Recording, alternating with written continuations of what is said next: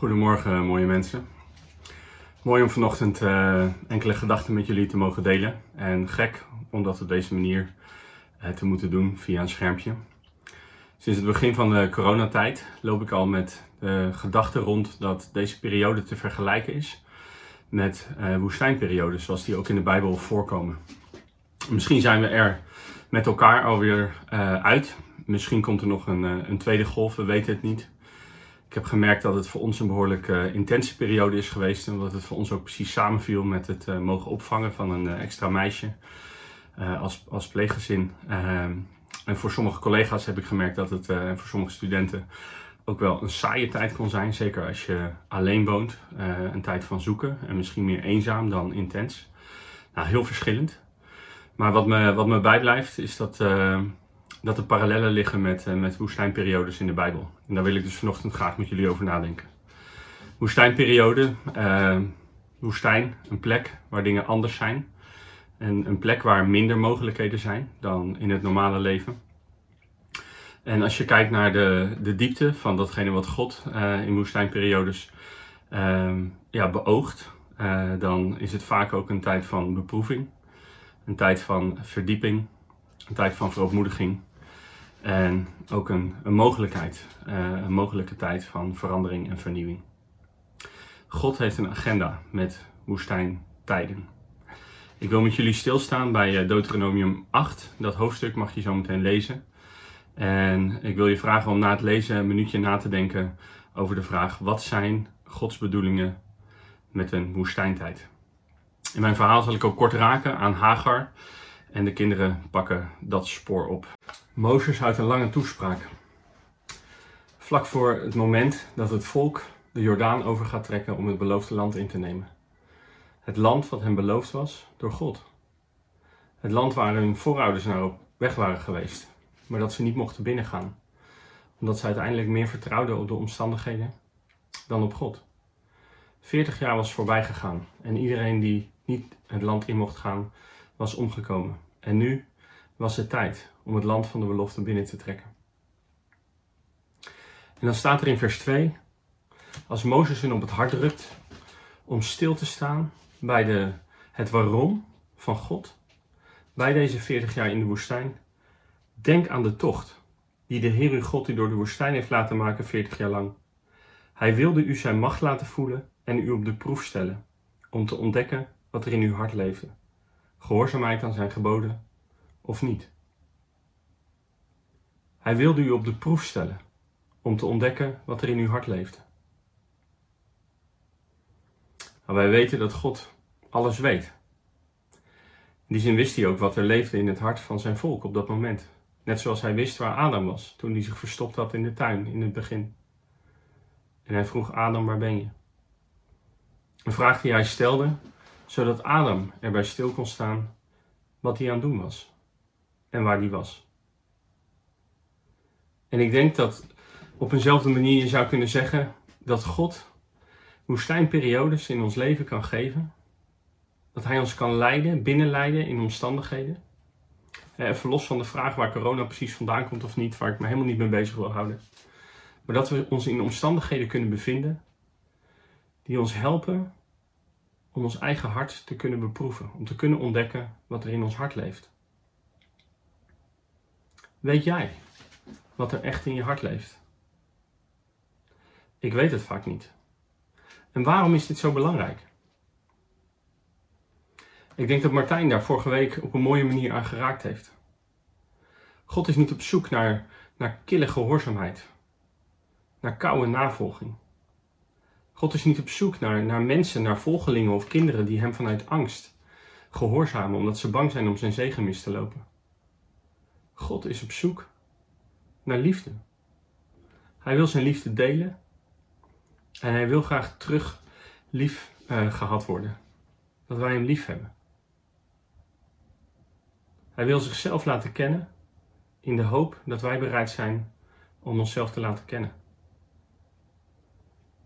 Hij wil leren aan ons, hij wil ons helpen ontdekken dat hij echt te vertrouwen is.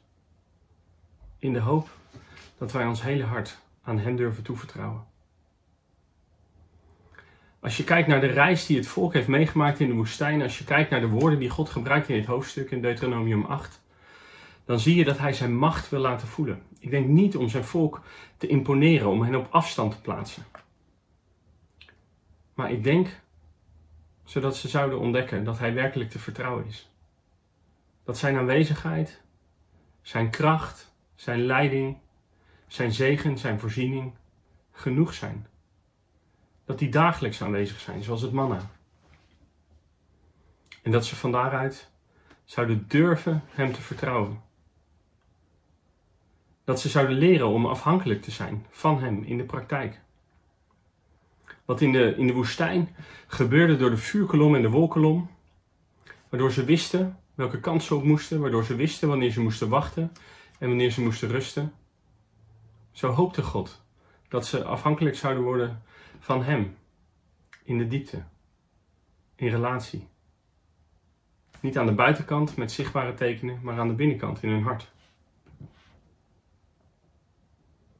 Gods verlangen is dat we in ons hart, in de kern van wie we zijn en met alles wie we zijn, Hem werkelijk leren vertrouwen. En dat we alles wat er in ons is, aan Hem durven toevertrouwen. Dat we de controle durven loslaten. En dat we Hem durven volgen in het avontuur wat Hij voor ons leven bedoeld heeft. Zodat we zelf Zijn zegen kunnen ontvangen en dicht bij Hem blijven. Maar ook onze omgeving onder de indruk raakt van wie Hij is. En dat loslaten van controle, dat is spannend. Dat is eng.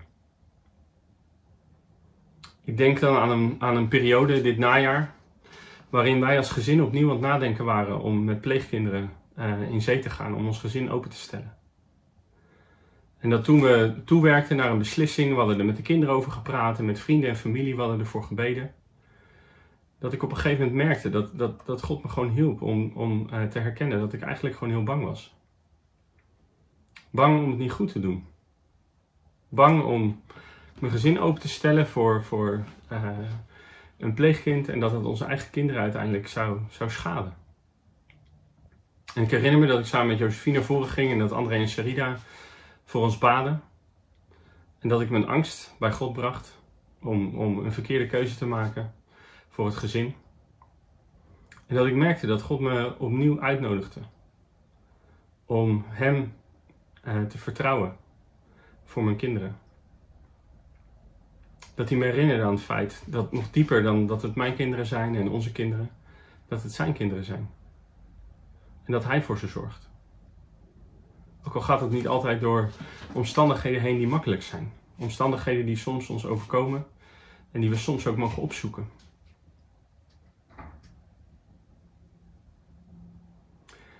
vraag die dit hoofdstuk bij mij oproept is wat leeft er dan echt in mijn hart? Waar houd ik nog controle? Waar houd ik dingen vast? Waar vertrouw ik nog op dingen buiten God? Ik noemde al dat ik vaak niet weet wat er in mijn hart leeft. Dat ik niet precies weet wat ik, wat ik vasthoud. En dit kunnen goede dingen zijn, dit kunnen mooie dingen zijn, dingen die God mij heeft gegeven. Natuurlijk kunnen het ook, ook, verkeerde dingen zijn. Maar mijn kinderen zijn mooie dingen. En toch is het voorbeeld wat ik net noemde, ook al ga ik even heel snel doorheen, een voorbeeld waarin God opnieuw vroeg van Joost, wil je je hand openen? Mag ik erbij? De kinderen zijn van mij. Ik zal voor ze zorgen. Jij mag me daarbij helpen. Ik heb denk ik gemerkt dat de dingen die ik vasthoud, soms heel krampachtig, eigenlijk dingen zijn die mij vasthouden. En natuurlijk kan God hierover spreken. In gebed. En, maar daarnaast is het denk ik uh, zo dat op het moment dat je het avontuur met hem opzoekt, dat je gaat merken welke dingen je vasthouden. Of welke dingen je graag wil vasthouden, omdat die gaan knellen.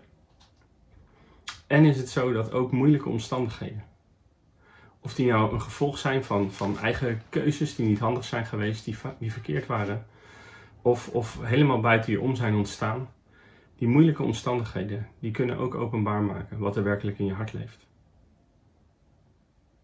En dat is iets waar God bij wil helpen. En in dit hoofdstuk in Deuteronomium 8 zien we dat God waarschuwt voor de periode van voorspoed die voor zijn volk ligt. God waarschuwt ze. Dat ze moeten oppassen dat ze niet denken, gaan denken dat die voorspoed iets is wat ze zelf hebben bereikt. Dat ze zelf voor elkaar hebben gebokst. Hij waarschuwt ze dat ze niet hoogmoedig moeten worden. Dat ze zichzelf niet in het centrum moeten gaan plaatsen. Hij waarschuwt ze dat ze hem niet moeten gaan vergeten. Omdat ze niet langer afhankelijk van hem zijn en dat ook echt voelen. En ik vroeg me af in de voorbereiding: is voorspoed een vriend of een vijand?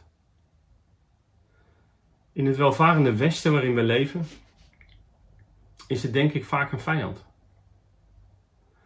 Als je luistert of, of meeleest met verhalen van de vervolgde kerk in delen van de wereld waar het niet veilig is om christen te zijn, dan zie je daar een hele vitale gemeente die heel dicht bij God leeft. Die zich dagelijks bewust is van het feit dat, dat ze alles moeten over hebben en alles willen over hebben voor hun Heer, die ook alles voor hen heeft overgehad. En dan zie je dat er een getuigenis van hen uitgaat, wat zo krachtig is, dat de kerk heel hard groeit en dat er ontzettend veel mensen tot geloof komen. Ook al gebeurt dat ondergronds. Als ik luister naar de verhalen van vrienden die naar hele arme delen van de wereld zijn geweest, dan kwamen ze vaak verward terug. Dan hadden ze hele feitelijk arme mensen ontmoet die niks hadden. Maar die leefden met diepe dankbaarheid. Die leefden met een innerlijke vrijheid en een vermogen om dag bij dag te leven.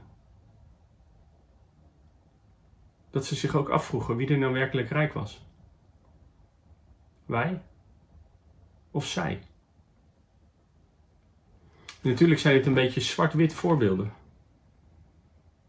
Maar God waarschuwt zijn volk om uit te kijken voor voorspoed. Is voorspoed een vriend of een vijand?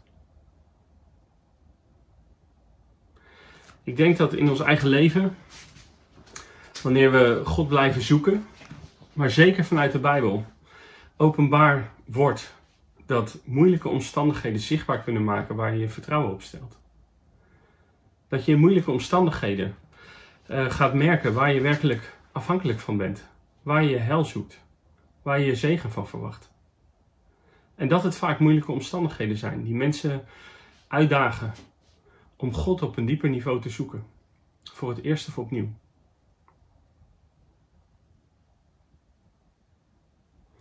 Een voorbeeld voor mij is Henry Nouwen. Henry Nouwen, een, een, een, een beroemde uh, denker, een hele slimme man, die op een gegeven moment koos om in een gemeenschap met verstandelijk gehandicapte mensen te gaan wonen. Mensen die niks gaven om zijn aanzien, om zijn reputatie, die zijn boeken niet eens konden lezen. En Henry beschrijft hoe hij in die periode echte vrijheid ontdekte. Hoe hij ontdekte dat in zijn leven van uiterlijke voorspoed zou je misschien kunnen zeggen, van, van rijkdom, van aanzien, van status, hoe hij niet doorhad dat hij ten diepste nog afhankelijk was van wat andere mensen over hem zeiden dat hij afhankelijk was van hun mening en dat hij daar ook naar zocht. Hoe hij ten diepste nog afhankelijk was van wat hij kon. Van zijn vermogen om dingen neer te zetten. Om dingen te doordenken en te verwoorden. Hoe hij ten diepste nog afhankelijk was van wat hij had. En in een van zijn meest beroemde prekenseries, uitgesproken in de Crystal Cathedral, spreekt hij over identiteit. En spreekt hij over het proces waarin hij steeds meer Henry wordt, een geliefde zoon van de vader. En waarin hij zijn identiteit steeds minder vindt in wat hij heeft, in wat hij kan en in wat anderen over hem zeggen. Nou, stel dat vader ziet, stel dat mijn hart nog voor 80% onvrij is. Dat mijn hart nog voor 80% vastzit aan dingen buiten Hem. Die me voeden en waar ik mijn zekerheid in vind. En stel dat Vader weet dat alleen datgene wat Hij in mij kan doen, dat dat is wat Hij door mij heen in het leven van anderen kan doen. Wat zou Hij dan doen? Ik denk dat Hij er alles op alles, uh, dat Hij alles op alles zou zetten om te zoeken naar wegen om mij te helpen om mijn hart meer voor Hem te openen. Zodat meer vrijheid kon ontstaan in mij. En Hij ook meer vrijheid door mij heen kan vermenigvuldigen in de mensen om me heen. Het is Gods verlangen dat wij echt vrij zijn. In Zijn liefde wil Hij ons beproeven ook. Zodat we ontdekken wat er in ons hart is. En dat we de dingen die daar, die daar een plekje hebben gekregen die daar niet horen, waar we niet langer ons vertrouwen op willen stellen, waar we niet langer aan vast willen zitten, waar we niet langer achterna willen jagen, dat we die aan Hem kunnen overgeven en dat Hij ons daarvan vrij kan maken. Een prachtige illustratie voor mij in deze fase waarin ik veel heb nagedacht over woestijntijden in de Bijbel, komt uit het leven van Hagar. En ik zal er omwille van de tijd maar kort bij stilstaan. Haar woestijnmomenten kan je lezen in Genesis 16 en Genesis 21. In het, het eerste hoofdstuk in Genesis 16 is zij zwanger. En uh, wordt zij door, um, door Sarah uh, de woestijn ingestuurd. Omdat hij jaloers is op haar. Omdat zij zelf niet zwanger kan worden. En op die plek, die plek van tegenspoed, die plek waar zij zich verstoten voelt. Die plek van tekort. Ontmoet zij de levende God. En belooft hij haar een zoon. Belooft hij haar een nageslacht. Dus in het leven van deze bijzondere vrouw, van Hagar, zien we dat de plek van tegenspoed, de plek van verdrukking en verstoting, de plek van tekort een plek wordt van belofte. Een plek waar zij God intiem ontmoet. En ze geeft God daar een naam. Ze zegt: U bent de God die, mij, die naar mij heeft omgezien. U bent de God die mij heeft gezien. Dus zij heeft een hele diepe ervaring van het feit dat God haar ziet. Nou, de tweede keer dat zij in de woestijn wordt, uh, wordt gestuurd, uh, wordt ze daarheen gestuurd door Abraham.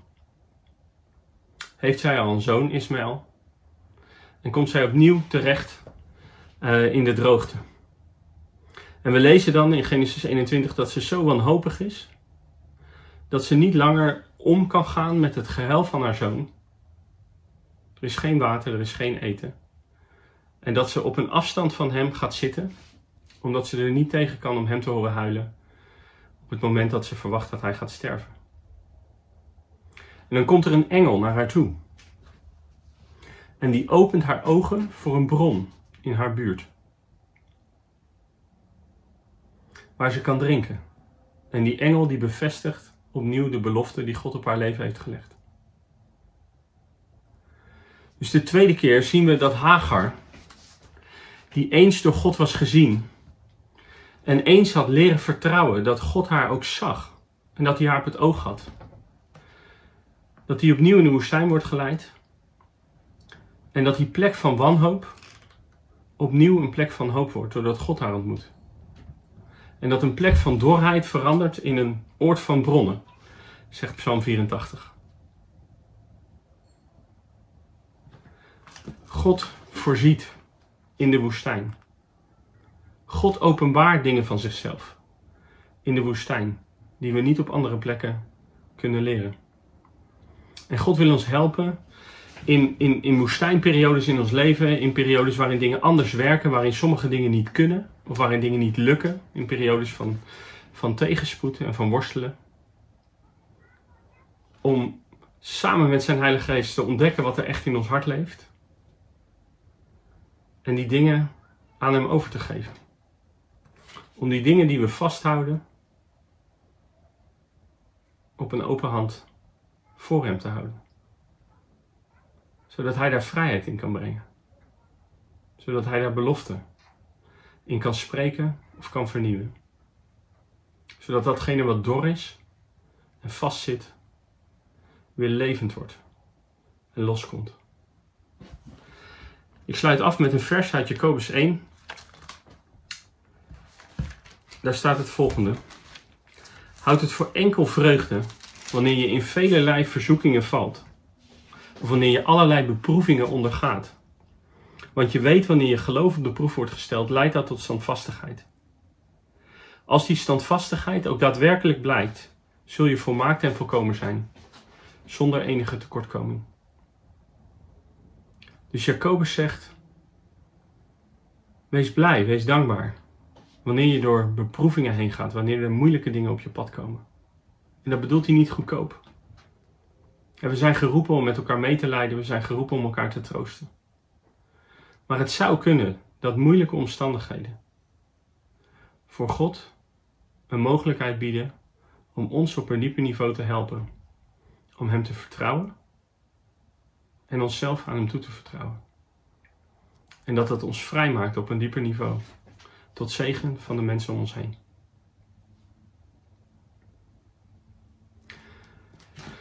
Ik wil je vragen zo meteen na te denken over een paar vragen. En daar misschien ook nog even met elkaar over uit te wisselen en voor te bidden. Waar in jouw leven merk jij op dit moment beproeving? Waar zijn dingen lastig? Pittig? Ten tweede, wat wil God jou op hartsniveau leren? Te midden van die omstandigheden. Ten derde, neem een moment om stil te zijn en aan God te vragen of Hij misschien iets tegen je wil zeggen. Tegen jou persoonlijk. Te midden van die beproeving. Ik wil graag nog even bidden. Vader, ik dank u dat u ons opvoedt als uw kinderen en dat u ons hart op het oog hebt. Dank u dat u niet ver weg bent of afstandelijk, maar dichtbij. Heer, ook in, in ingewikkelde uh, seizoenen van ons leven, in ingewikkelde processen waar we doorheen gaan in beproeving. Ik wil u bidden voor mezelf en voor al mijn broers en zussen, Heer, dat u het werk dat u in ons hart doet zal doorzetten. En dat u uw licht laat schijnen op die dingen, Heer, die wij vast hebben, of die ons vast hebben, die ons onvrij maken. Heer, wilt u uw licht daarop laten schijnen? En wilt u ons zegenen om u daarin uit te nodigen en ze in uw handen los te laten? Dat bid ik u in Jezus' naam. Amen.